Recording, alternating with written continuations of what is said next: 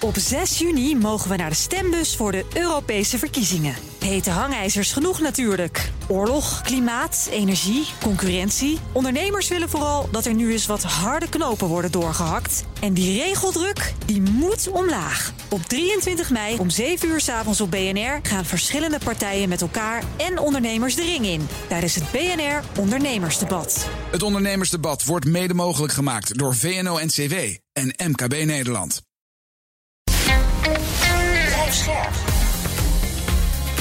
BNR Nieuwsradio. De wereld. Bernard Hammelburg. Straks de Chinese president Xi Jinping gaat op voor een derde termijn. Wat wij daar in het westen van kunnen verwachten, bespreek ik met sinoloog Henk Schulte-Nordholt. Maar nu eerst, Oekraïne mag aan het front dan wel succes boeken. Op economisch vlak lijkt Rusland aan de winnende hand te zijn. When you look at some of Russia's broad economic indicators, they're holding up better than expected. The IMF had predicted that its economy would contract by about 8.5% this year. It has since revised its forecast to only 3.4%. Inflation spiked initially, but is easing now. Ik praat erover met BNR-huiseconoom Han de Jong. Dag Han. Dag Bernard. Direct eh, na de Russische invasie van 24 februari stelde het Westen allerlei sancties in. We dachten toen dat zal ze een lesje leren. Hoe ziet dat? Hoe, staat nu de, de, de, Russische economie ervoor? Ja, nou ja, die, eh, die sancties die hebben natuurlijk eh, zeker een invloed op de Russische economie. En, en zeker het feit dat wij, eh, dat, dat wij heel weinig technologische goederen meer leveren, dat, dat heeft natuurlijk een grote, grote invloed. Um, maar wij waren natuurlijk erg van overtuigd dat de Russische economie ja, helemaal zou instorten. En je hoorde net al in dat clipje hè, dat er werd gedacht uh, toen dat de Russische economie dit jaar een procent of acht zou krimpen. Nou, dat valt allemaal behoorlijk mee. Ze zijn toch behoorlijk in staat om die economie te stabiliseren. Het krimpt, het krimpt zeker wel dit jaar. Um, en, en, er zijn zeker uh, grote uitdagingen. Maar ja, je moet toch zeggen dat het ze beter afgaat dan verwacht. Dan verwacht, ja. 3,5% en 8, dat scheelt nogal wat. Hoe betrouwbaar zijn die cijfers over de Russische economie? En ik, ik vraag het omdat elke keer als China komt met groeicijfers... dan zijn er allerlei economen die zeggen... ja, maar dat kan je niet helemaal vertrouwen. Hoe zit het met de Russen? Ja, ja, ja de waarheid gebied te zeggen dat ik dat natuurlijk ook niet precies weet. Um, ik krijg de indruk dat de meeste cijfers die ze publiceren uh, wel betrouwbaar zijn. Maar dan leg je alle cijfers naast elkaar. En, en dan zijn er soms toch wel wat wonderlijke zaken hoor. Uh, bijvoorbeeld. Um, uh, Rusland boekt op het ogenblik heel, hele grote overschotten in de buitenlandse handel dat komt omdat uh, nou ja, sommige import is stilgevallen. En de exportwaarde die is natuurlijk opgezweept door de stijgende olie- en, uh, en vooral gasprijs. Um, en, maar ondanks dat ze zeer grote overschot in de buitenlandse handel boeken, uh, teren ze kennelijk ook stevig in op, de, op hun goud- en deviezenvoorraad. Um, en, en dat is eigenlijk een wonderlijke combinatie. Nou, het, het zou misschien wel kunnen hoor, als er, um, ja, als, als er zeg maar, heel veel kapitaaluitvoer is. Maar ja, als je die cijfers naast elkaar legt, dan denk je toch van, hmm, um, ik, ik weet het niet, nee. niet zo goed.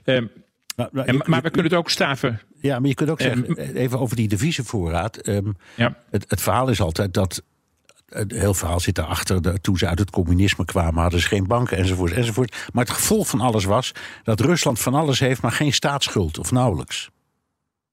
Ja, dat, dat, dat is waar. Um, nou, Rusland heeft wel staatsschuld hoor. En, en ook in, in harde valuta. Maar um, ja, eigenlijk is de, de Russische staat, uh, los van sancties, et cetera, maar is, is natuurlijk behoorlijk kredietwaardig. Ja, uh, we hebben er alle mogelijke sanctiepakketten doorheen gejaagd in Europa. Kun je nou zeggen, Han, dat dat eigenlijk vanaf dag één gedoemd was om te mislukken? Ja, weet je, dat hangt af, Bernard, van hè, wat was je doelstelling? Um, als je doelstelling was om die oorlog hiermee snel te beëindigen, ja, dan denk ik dat uh, de kans op succes vanaf dag één vrij klein was. Um, toen die oorlog uitbrak, uh, ben ik uh, op zoek gegaan naar, la, we zeggen, wetenschappelijke literatuur. Uh, die, die zou gaan over hoe effectief zijn economische sancties nou. Nou, opvallend genoeg kon ik daar weinig over vinden. En, en wat ik daar vond, nou, dat stemde mij niet erg optimistisch. Want uh, Um, studies die ik tegenkwam, die zeiden nou, in hooguit één op de drie gevallen zijn sancties uh, uh, effectief. En ze zijn zelfs nog minder effectief als het erom gaat om een militaire agressor op andere gedachten te brengen. Dus um, ja, als het, uh, nogmaals, als, als je doelstelling was om de oorlog snel te, be te beëindigen met behulp van die sancties, ja, dan was het inderdaad vanaf dag één gedoemd te mislukken, ja, ben ik bang. Ja, en nou, nou zeg jij, je hebt daar wetenschappelijke uh, publicaties over nagekeken. Ik neem aan dat de mensen die achter het instellen van die sancties zitten, dat ook hebben gedaan. Uh, en economen die maakten allerlei desastreuze voorspellingen over de Russische economie. Was dat wishful thinking? Ja, ik moet eerlijk zeggen, kijk, uiteindelijk worden die dingen natuurlijk door, door politici besloten. Hè, en politici die, die zeggen dan, we moeten meer sancties. En dan, ja, dan moet de ambtenarij moet dan natuurlijk die sancties gaan, uh, gaan samenstellen. Dus of ze daar goed over na hebben gedacht van hoe effectief dat allemaal is, nou ja, dat, dat weet ik niet. Um, en uh, ik, ik, moet ook wel zeggen, die, bijvoorbeeld die, die min 8% waar we het over hadden, dat de, de, verwachte krimp van de Russische economie dit jaar, ja, was dat wishful thinking? Ja, dat denk ik eigenlijk wel. Uh, eigenlijk waren dat soort voorspellingen helemaal niet te maken. Nee. Um, maar het was wel een, dus, het was een IMF-voorspelling, als ik me wel herinner. Ja, ja, zeker. Maar ook bij het IMF ja, konden ze dat niet eigenlijk weten. Eigenlijk, ja, wishful thinking. Misschien moet je zeggen, het was vooral een slag in de lucht. Ja. Um, dan had je van de zomer een rapport van de Universiteit van Yale in Amerika. Ja, en daar ja. stond ook in: uh, Rusland leidt enorm onder die sancties. Uh, en vanaf dat moment was eigenlijk bijna iedereen het Westen erover eens dat we de goede weg in waren geslagen. Hoe, hoe rijm je dat nou met het rapport van nu? Ja, nou ja, ik heb die, uh, die studie toen van Yale ook gezien. En, en, ja, die heeft mij toen ook al wel wat, wel wat verbaasd. Eigenlijk was de, de, het kernbetoog van die studie van Yale was dat uh, Rusland er niet in zou slagen om uh, de, de olie-export, laat ik zeggen, te verplaatsen. Omdat een hoop olie en, vooral gas natuurlijk via pijpleidingen gaat. En ja, die pijpleidingen die lopen onze kant op en, en niet naar heel veel andere landen. Um, en ja, dat, dat was een beetje de kern van het betoog van, ja. uh, van de Universiteit van Yale. Maar als je gaat kijken naar de handelscijfers en ook als je die staaft met handelscijfers van andere landen, ja, dan blijkt eigenlijk dat Rusland er heel redelijk in is geslaagd om die, die handel te verschuiven. En omdat de prijzen uh, uiteindelijk toch per saldo uh, hoger zijn uitgevallen, hebben ze in, ja, in dollars of roebels, zo je wilt, hebben ze natuurlijk toch meer inkomsten Ja. gekregen. Dus ja, ik denk dat die studie van Yale de plank toch een beetje mislaat. Ja, hoe, hoe heeft de, de, de Russische centrale bank zich uh, nou ja, schrap gezet voor wat er zou komen? Want die wisten natuurlijk wat er zou komen. Ja, ja dat, is eigenlijk heel erg interessant. Die centrale bank die wordt geleid door uh, Elvira Nabiolina. En die, die, die werd voor de oorlog, en, en misschien nog wel, uh, werd die in de, in de kringen van centrale bankiers wereldwijd echt als een, nou, echt als een kei gezien. Echt een hele goeie. Um, nou, die, het leek erop dat ze dat ze toen die oorlog net was uitgebroken, dat ze daar eigenlijk tegen protesteerden. Maar uiteindelijk heeft ze toch um, de goede maatregelen genomen om die economie te stabiliseren. Um, ze heeft die, de, de, de roebel die daalde heel fors.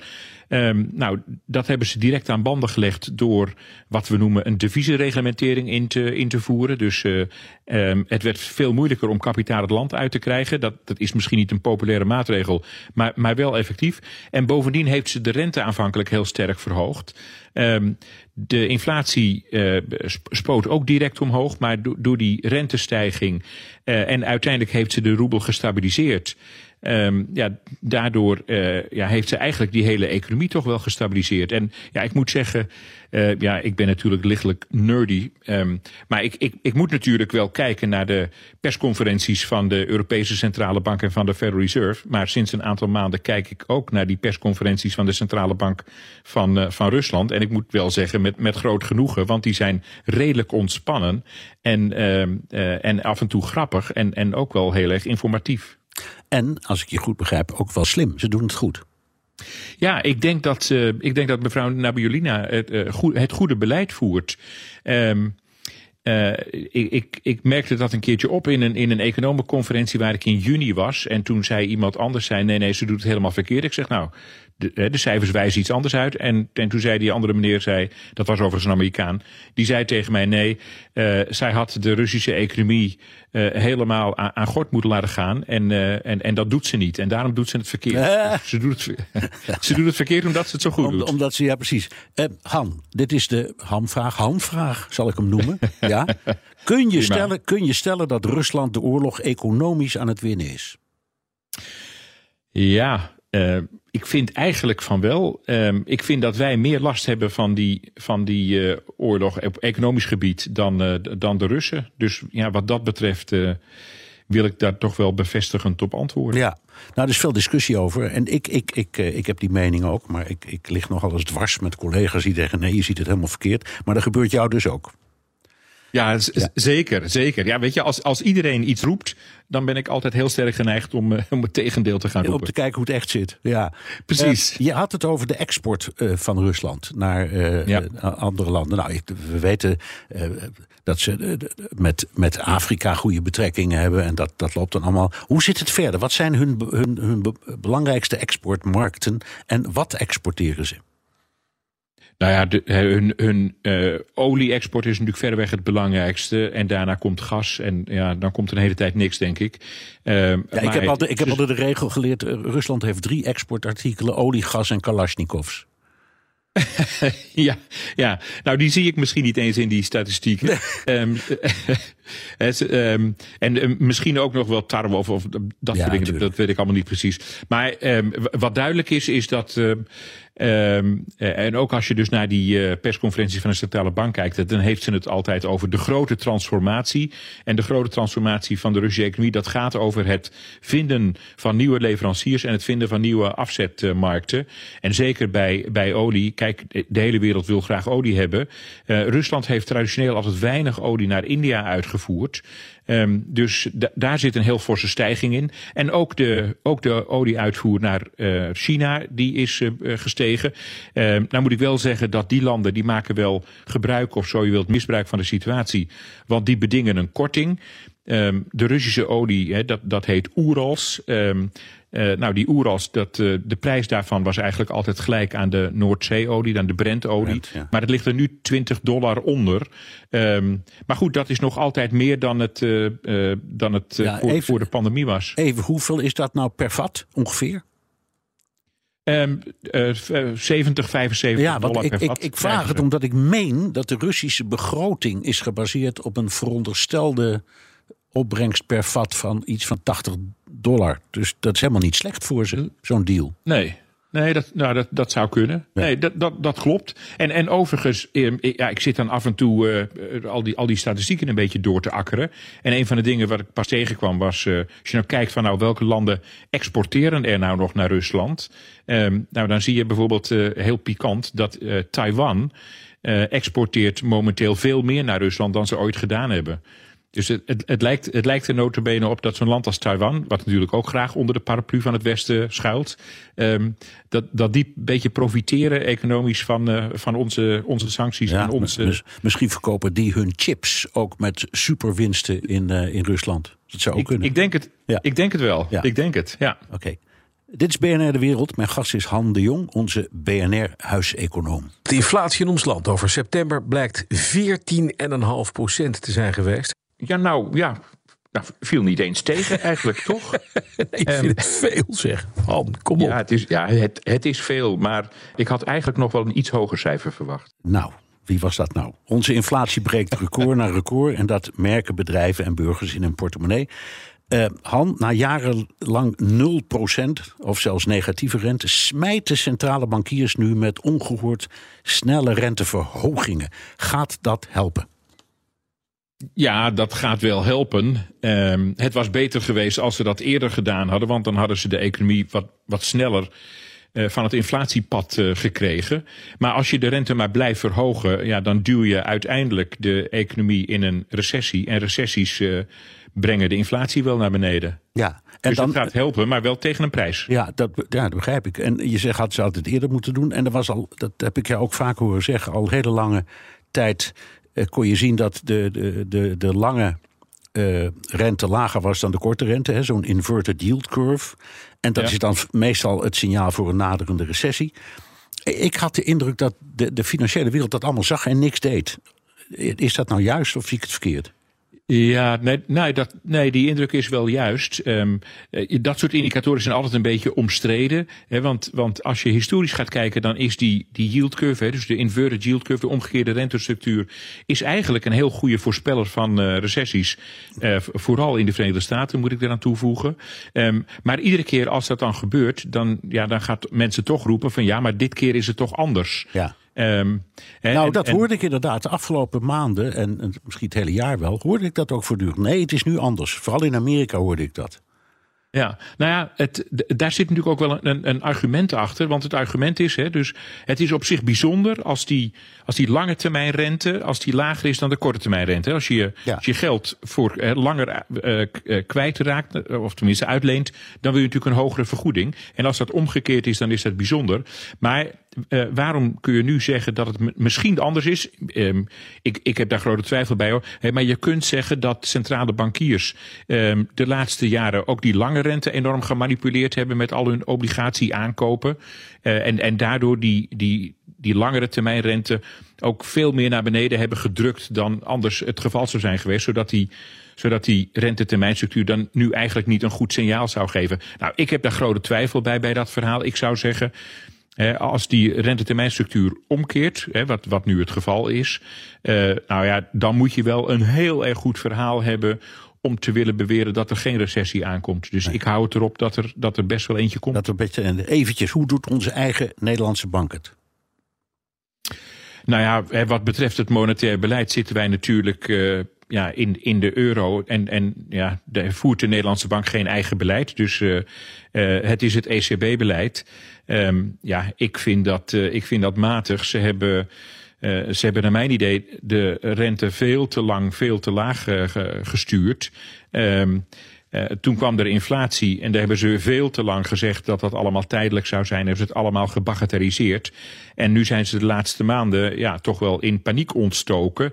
En nu gaan ze opeens die rente als een, als een malle heel snel omhoog brengen. Ja. Ehm, ja, ik, als je dat allemaal bij elkaar optelt, ja, ik zou zeggen, is nou niet, is nou niet een track record om heel erg trots op te zijn. Nee, het, het, het grootste probleem misschien dat we hebben, eh, ik vat het maar even in één zinnetje samen, is de, de hoge prijzen van ehm, eh, eh, brandstof. Nou zijn die wel weer wat gedaald, maar toch, in hoeverre is dat nu.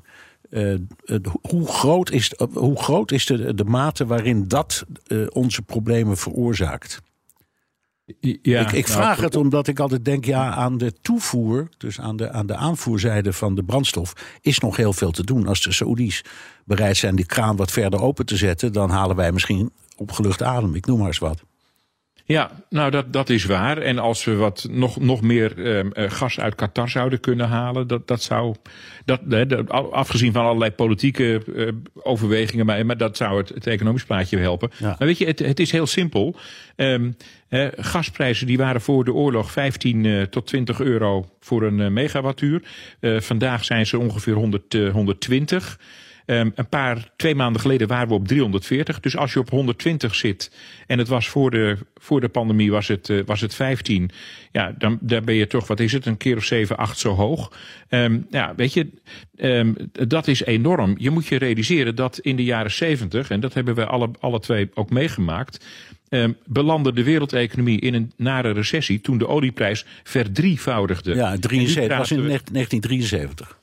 Ja, Ja. En maar nu praten we dus over in Europa. Hè, elders is het anders. Maar over een verzevenvoudiging van de gasprijs. Nou weet ik wel, onze economie is minder energie-intensief. Maar het is toch enorm. Hè, in Nederland. ehm, eh, ja, gas voorziet in 40 à 45 procent van onze totale energiebehoefte. Ja, en als dat dan zeven keer zo duur wordt. ja, weet je, ja, dan kun je het op je vingers natellen dat het een probleem is. Voor, de, voor Europa als geheel, of de, of de, ja, voor, voor de EU als geheel, is gas uh, verantwoordelijk voor ongeveer een kwart van de totale uh, energievoorziening. Uh, maar maar dat, ja, dat, dat tikt dus enorm aan. Ja. Um, nou, en ik zie niet hoe je dan de economische problemen kunt voorkomen. Nee, ten slotte, de, een andere factor in, misschien in, in, in de economie op het ogenblik is die enorme hoeveelheid geld die wij vrijmaken voor Oekraïne. Uh, ter ondersteuning van de begroting, maar ook om andere redenen. En een onvoorstelbare hoeveelheid wapens. Dat, dat, daar gaan miljarden heen. Als dit allemaal voortduurt en we komen niet zo snel uit die economische crisis. Heb jij dan, ik zeg het omdat ik het zelf denk hoor, het gevoel dat de, de bereidwilligheid van de volkeren in het Westen om die steun voor te zetten afneemt?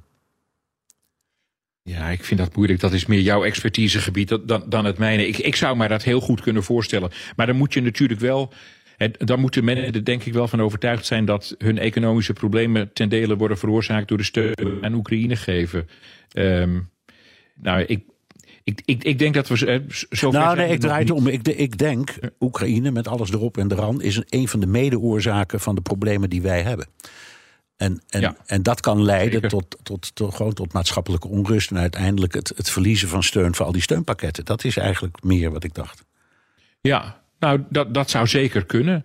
En uh, ja, dat wordt natuurlijk toch, uh, ja, dat wordt economisch en ook politiek best wel, best wel spannend. Ja, en economie en politiek gaan hand in hand. Dank, BNR-huiseconoom Han de Jong.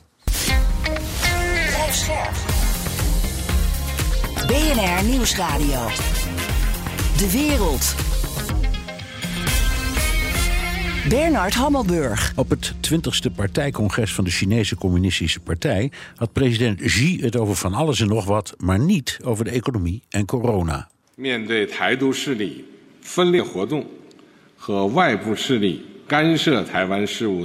President Xi sprak aan het begin van het partijcongres en zei dat hij een vreedzame eenwording met Taiwan nastreeft. Ik praat erover met sinoloog Henk Schulte-Noordholt. Welkom. Dankjewel, Bernard. Fijn. Uh, je zit natuurlijk uh, dat congres al uh, voortdurend te volgen, kan bijna niet anders. Hè? Het hoogtepunt was tot nu toe die speech van Xi. Hoe heb jij daarna geluisterd? Ja, hij was gelukkig wat korter dan het vorige partijcongres. Dat was vijf jaar geleden. Dat duurde drieënhalf uur. Nu heeft hij het binnen twee uur weten te houden. Uh, de Trump-lengte. De Trump-lengte, ja. dat schijnt ook te maken met het feit dat hele oude partijleden er ook steeds worden opgetrommeld. En die houdt niet zo lang vol. Dus vandaar dat hij het wat korter heeft gehouden. Maar ja, het, het was verder wel een beetje een ontrustend verhaal. Met uh, hele harde standpunten. En uh, ja, dat belooft denk ik niet veel goeds voor, het feit, uh, voor, voor de rest van de wereld en voor China. Omdat hij nog heel lang, minimaal vijf jaar aan de macht gaat blijven. Ja, maar wat waren die hele harde standpunten, noem eens wat? Nou ja, eigenlijk, de, hij, hij, is bezig met een project al sinds 2016, 17, dat hij het centrum van de partij is. En zijn ideologie, die ook in de grondwet al staat, Um, het is moeilijk over te definiëren, maar uh, de officiële naam is het denken van Xi Jinping over het socialisme met Chinese kenmerken voor een nieuw tijdperk. Ja. Um, ja, dat bekt niet echt lekker, maar uh, het komt erop neer wat hij vindt dat, uh, dat er moet gebeuren met China. Dat gaat gebeuren, want hij is het centrum van de partij. Ja.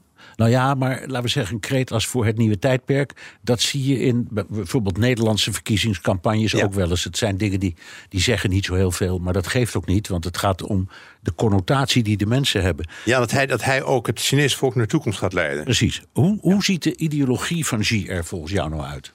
Nou ja, Eigenlijk, wat hij bedenkt ochtends, dat is een ideologie. Maar hij heeft, om, om wat slogans te noemen, um, uh, voorspoed voor iedereen. Dan grijpt hij terug op de communistische wortels van de partij. Um, de grote renaissance van de Chinese natie. Dan grijpt hij eigenlijk terug op de 19e eeuw, toen China vernederd werd, maar dat moet worden rechtgezet. Ja. Dat zijn wat, wat kreten die je vaker hoort. De Chinese droom. Ze zijn ook met opzet een beetje vaag, want je, je moet ook alle kanten erop mee op kunnen. Ja. Um, had jij de indruk, eh, want dat heb ik in heel veel commentaar gelezen, dat het uh, ook een, een, een congres is, of een toespraak in elk geval, die een beetje het als thema heeft het in zichzelf keren, wat ook klassiek ja. Chinees is? Ja, er is een slingerbeweging en, en hij wil China toch een onneembare fort van maken. Wat hij heel naar vindt is afhankelijkheid van het buitenland. Dat zie je al jarenlang in de plannen, ook in de vijf jaren economische plannen. Dus geen afhankelijkheid van buitenlandse technologie. En, en vooral vorige week nog overigens is de, hebben de Amerikanen gezegd... er mag helemaal geen chips-technologie of chips mogen meer naar China. Ook niet als het buitenlandse leveranciers zijn met Amerikaanse componenten. Dat vindt hij natuurlijk heel erg. Want technologische dominantie is een van de, een van de wapenen om eh, instrumenten om de top te halen. Uh, de Trump-tarieven, we weten het misschien nog, 2017 en 18. Ja, die zijn, hem- die zijn er nog. om, die zijn er nog steeds. Die hebben ze over nul effect gehad. Want die handelsbalans is nog steeds sterk in het voordeel van China. Maar in ieder geval dat buitenlandse machten... en natuurlijk met name de Verenigde Staten... dat kunnen doen aan China. En, dat hij, en daar de China eronder kunnen houden. Want dat is het, het verhaal dat naar de bevolking wordt verteld. Dat vindt hij vreselijk. Dus dat moet worden, China moet onneembaar worden... en helemaal zelfvoorzienend. Ja, nou is dat op zichzelf niet zo gek. De Amerikanen zijn dat in principe ook. Ja. Die kunnen helemaal voor zichzelf zorgen. Ja. Dus dat een land als China, dat misschien in 4000 jaar economisch in elk geval niet zo Ja. ver is geweest, dat nu zegt we kunnen best eh, zelfvoorzienend zijn, daar is toch niks op tegen. En, Nee, maar het is wel, als, als je het Chinese model ziet van de laatste 20, 30 jaar, is het integratie in de wereldeconomie. Dus Ze zijn enorm geprofiteerd van buitenlandse handel. Door die enorme overschotten hebben ze heel veel geld eh, verzameld, buitenlandse deviezen. Heel veel technologie zich eigen gemaakt. Al dan niet eh, legaal of illegaal. Ehm, en nu, als je dat allemaal afsnijdt, dat is toch wel een gok die ze nemen. Want je moet niet vergeten dat heel veel Chinezen zijn betrokken eh, bij de buitenlandse handel. Bij die werken voor buitenlandse bedrijven. Ja. Technologisch, want ik noemde net de chips, lopen ze op bepaalde terreinen nog echt wel achter. Dus omdat nu, dat eigenlijk is de ideologie wordt belangrijker dan de economische rationaliteit. Ja, Eh, over ideologie gesproken. In de jaren zeventig eh, voerde Deng Xiaoping eh, een soort, eh, ja, we zeggen altijd perestroika in zo- zonder glasnost. Dus Ja. economisch liberaler, maar eh, niet, niet, geen open samenleving. Maar het werd toch in het algemeen wat toegankelijker. Ja, ja. Kun je zeggen dat Xi dat nu allemaal opzij schuift? Nou, daar heeft het wel veel van weg. Inderdaad, die, die marktmechanismen die Deng Xiaoping, eh, jij net noemde, invoerde, die worden steeds meer losgelaten. Waar, waar die eigenlijk mee bezig is, is een soort Leninistisch project. Dus de partij moet weer controle houden, terugwinnen, moet ik eigenlijk zeggen, eh, op de samenleving. Dus, dus de wijken, de buurten, maar ook zeker ook de bedrijven.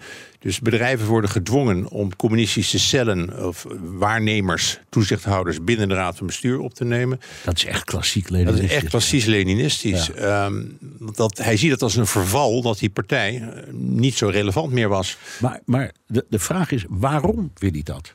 Het, Hij wilde- het ging ja. niet slecht. Of het, gaat, Nee. het ging niet slecht met China. Het kernwoord is controle. Communisme wil, eh, zeker ook deze variant, de Chinese variant, wil controle houden. Want als ze dat niet doen, dan voelen ze dat de macht uit hun handen glipt. En het is vervelend voor de partij, maar het is vooral voor erg vervelend voor de ongeveer 100 families die China besti- bestieren, waar de Xi-familie er een van is. Dus het is eigenlijk eigen belang en het belang van China zoals hij dat leest. Ehm, dus het is eigenlijk controle, want als je echt integreert en de, en de samenleving loslaat. Kijk, Chinezen zelf, is mijn ervaring ook, zijn helemaal niet ideologisch of daarmee bezig. Dus het wordt echt van bovenhand opgelegd. Maar als je dat niet doet, verlies je de grip. Ja.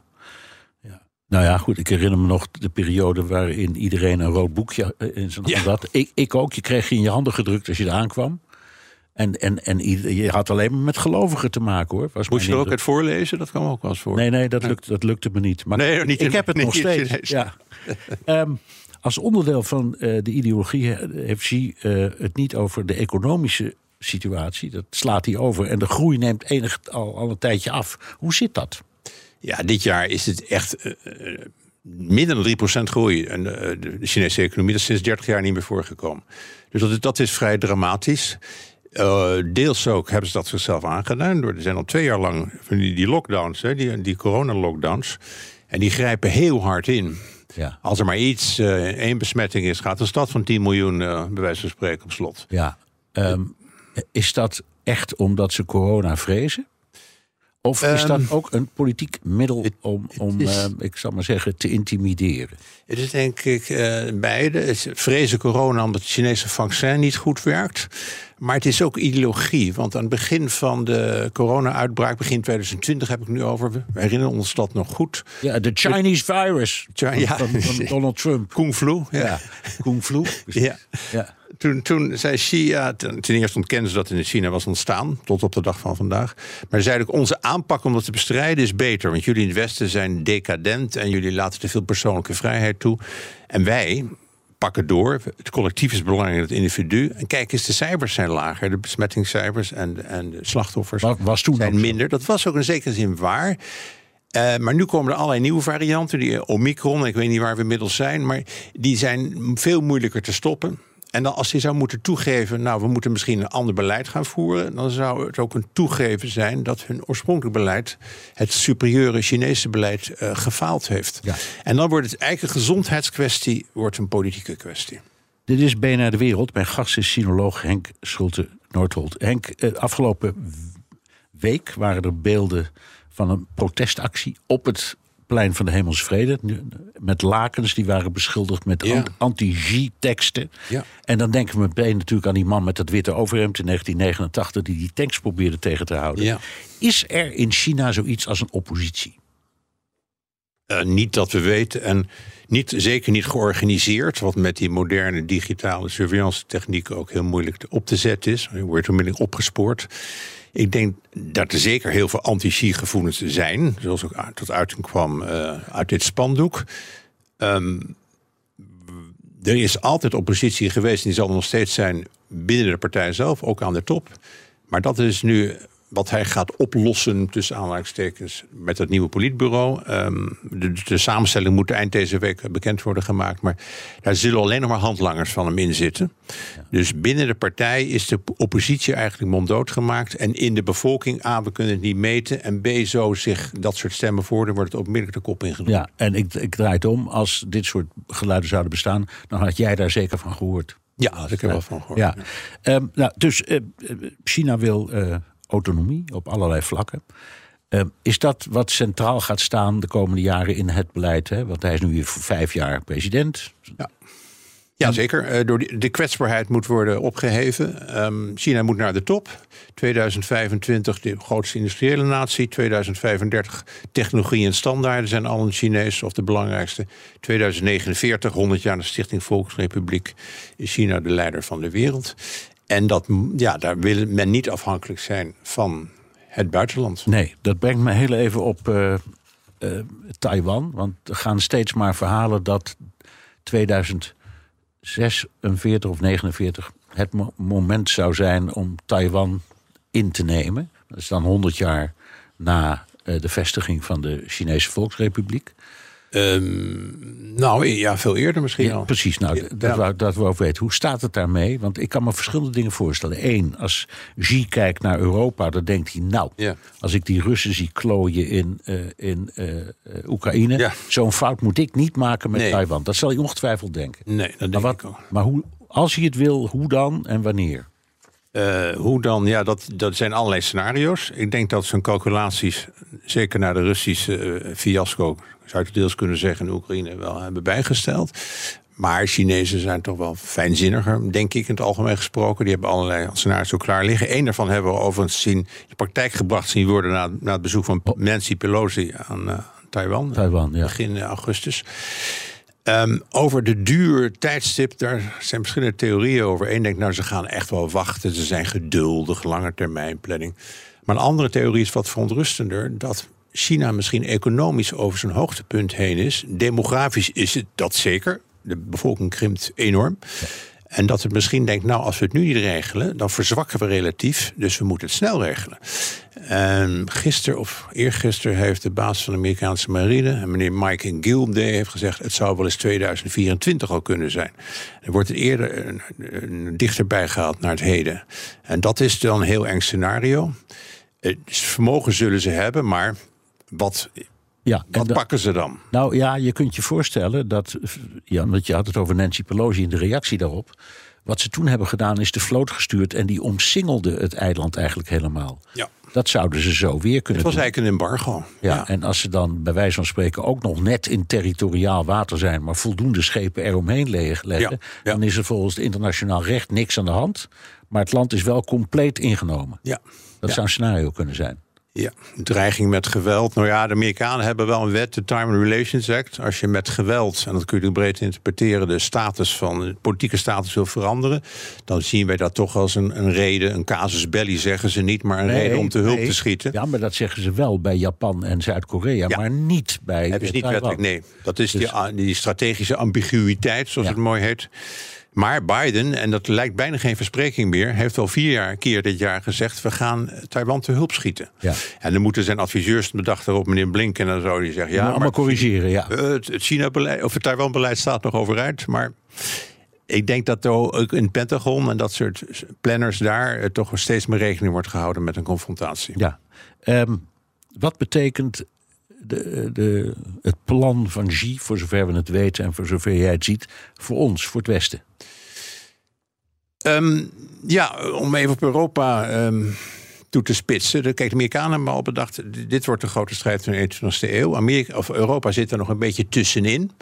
Ehm Meneer Schulz is ook niet echt een doorpakker... maar die heeft dan onlangs gezegd... ja, we moeten de globalisering ook in stand houden... en we moeten, we moeten de supply chains niet allemaal doorsnijden. Een beetje de lijn van Merkel.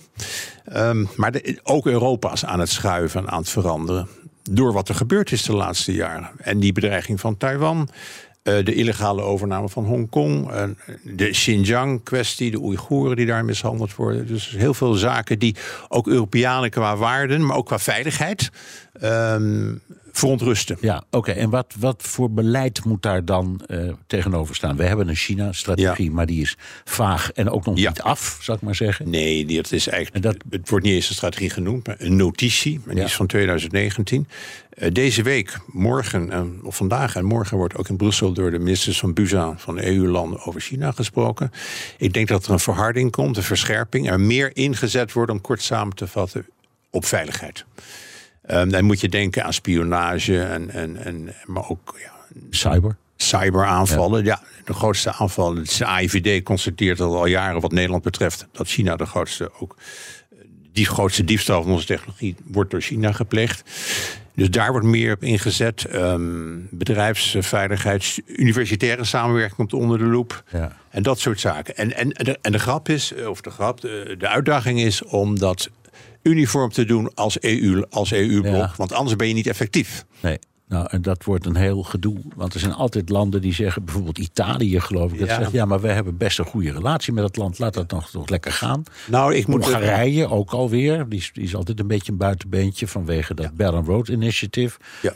Je, hebt Dus- altijd je hebt altijd dissidente stemmen, maar er is wel een soort van consensus aan ontstaan dat we op uniform moeten kijken. Bijvoorbeeld, hoe beoordelen we Chinese investeringen? Willen we die wel in onze infrastructuur? Welke technologie verlenen we exportvergunningen voor? Dat soort zaken. Zo steeds meer, daar heeft de EU dan richtlijnen voor. Dat kunnen ze niet dwingend opleggen. Maar dat die, die wetgeving van die verschillende landen naar elkaar toekruipt. Ja, maar goed, eh, we hebben het er ook, ook wel eens over gehad. Ik geloof dat eh één of twee derde van het terminal in Rotterdam is nu in Chinese handen. Dat Ja. kun je toch niet meer terugdraaien?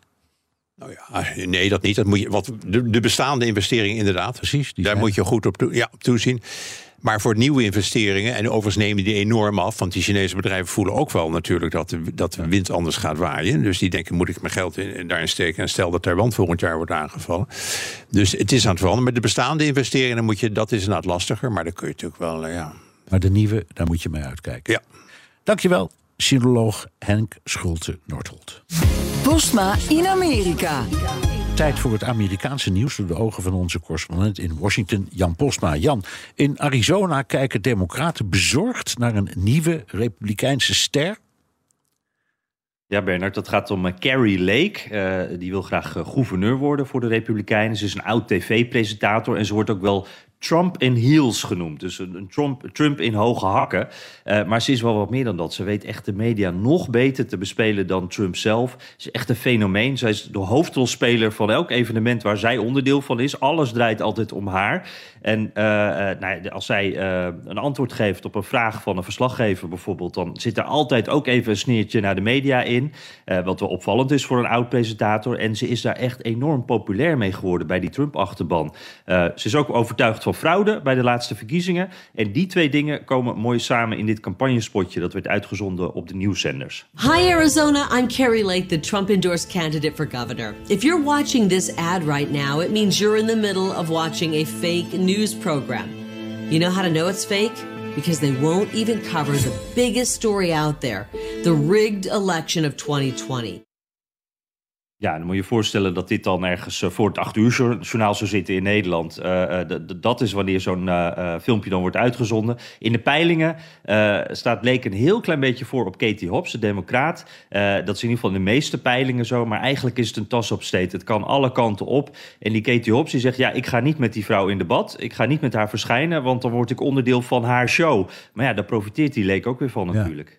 Het is nog maar de vraag of zij de uitslag van de komende verkiezingen zal accepteren. Ja, want dat is de volgende vraag natuurlijk. Als je uh, de laatste verkiezingen die jouw partij heeft verloren niet erkent, erken je er wel de uitslag, mocht je de volgende verkiezingen verliezen? Uh, en dat is de vraag die Leek deze week kreeg op CNN. My question is, will you accept the results of your election in November? I'm going to win the election and I will accept that result. If you lose, will you accept that? I'm going to win the election and I will accept that result because the people will never, the people of Arizona will never support and vote for a coward like Katie Hobbs who won't show up on a debate stage. Ja, zo gaat ze in één keer op haar eigen boodschap over. Maar je hoort het, ik accepteer, want ik win. En dat versterkt eigenlijk een, een geloof onder Trump-supporters... wat nog steeds leeft, wat ik echt nog steeds vaak hoor. Als wij niet winnen, dan moet er wel gefraudeerd zijn. Dan moet er wel iets geks aan de hand zijn. En even ter illustratie hoe zij denkt, uh, die, die Carrie Lake... zij beweerde tijdens de voorverkiezingen ook dat er gefraudeerd was. Uh, maar toen ze won, zei ze... ja, ik heb zoveel stemmen dat we van de fraudeurs hebben gewonnen. Dus ja, dan heb je altijd gelijk, ja. precies zoals Trump dat ook doet. Ja, er zijn meer kandidaten in Arizona die geloven dat er is gefraudeerd in 2020. Als die winnen, wat zijn de gevolgen dan voor de volgende verkiezingen? Ja, uh, zet ze even op een rijtje. Mark Fincham is uh, de, de, kandidaat voor Secretary of State. Die houdt overzicht over de verkiezingen. Die was aanwezig bij de bestorming van het Capitool. Heeft al gezegd dat hij de uitslag nooit officieel had gemaakt voor Arizona. Dan is de Attorney General. Waar ook een fraudegelover een goede kans maakt. En ja, als twee van die drie, dus ook met de, deze gouverneur erbij, of als ze alle drie winnen, dan heb je daar dus allemaal op al die sleutelposities mensen zitten die, ondanks dat er geen bewijs is voor fraude in 2020, toch geloven dat er fraude was. Die allemaal fanatiek Trump-aanhanger zijn. En die dus grotendeels gaan bepalen hoe er gestemd wordt, hoe er geteld wordt en welke uitslag het uiteindelijk wordt in Arizona. En zo zijn er in heel het land honderden republikeinen die volhouden dat verkiezingen van 2020 zijn gestolen. Ja, ja, je ziet er af en toe wat overzichtjes van. En, en deze week had de New York Times een, een heel goed overzicht. Echt heel goed onderzoek hadden die gedaan van heel veel kandidaten. En die komen dan op meer dan 370 kandidaten door heel het land bij de Republikeinen... die geloven dat de verkiezingen gestolen zijn. Uh, ze keken naar uh, de, de, functies die invloed hebben op de uitslag. Hè, dus de mensen die we net noemden, de gouverneurs, de attorneys of state, dat soort mensen. En meer van de helft van mensen die voor die positie gaan, zegt dat er fraude is gepleegd in 2020. Bij gouverneurs is dat 65% zelfs. En 70% van de Republikeinse kandidaten voor het congres twijfelt ook aan de uitslag. We know it and they know it. Donald Trump won. Trump won and everyone knows it. I think Trump won in 2020. You count the legal votes that were cast in the state of Georgia. Donald Trump won this state. Do you believe Donald Trump legitimately won the 2020 election in Michigan? Yes. Yes, I believe that President Trump won that election and I do believe that voter fraud occurred. We had a fraudulent election, a corrupt election, and we have an illegitimate president sitting in the White House. Ja, die laatste stem herkende je vast wel. Dat is Carrie Lake nog een keer. De compilatie was van de, de New York Times. En deze kandidaten maken bijna allemaal een serieuze kans. En ze zeggen dit natuurlijk ook omdat het werkt. Dit is wat die Republikeinse kiezer, in ieder geval de Trump-supporter, ook gelooft. Dank. Jan Posma, correspondent in Washington. Wilt u meer horen over dat fascinerende land? Luister dan naar de Amerika-podcast van Jan en mij. En tot zover BNR De Wereld. Terugluisteren kan via de site, de app Spotify of Apple Podcast. Reageren kan via een mailtje naar dewereld.bnr.nl. Tot volgende week. Op 6 juni mogen we naar de stembus voor de Europese verkiezingen. Hete hangijzers genoeg natuurlijk. Oorlog, klimaat, energie, concurrentie. Ondernemers willen vooral dat er nu eens wat harde knopen worden doorgehakt. En die regeldruk, die moet omlaag. Op 23 mei om 7 uur s avonds op BNR gaan verschillende partijen met elkaar en ondernemers de ring in. Tijdens het BNR Ondernemersdebat. Het ondernemersdebat wordt mede mogelijk gemaakt door VNO-NCW en MKB Nederland.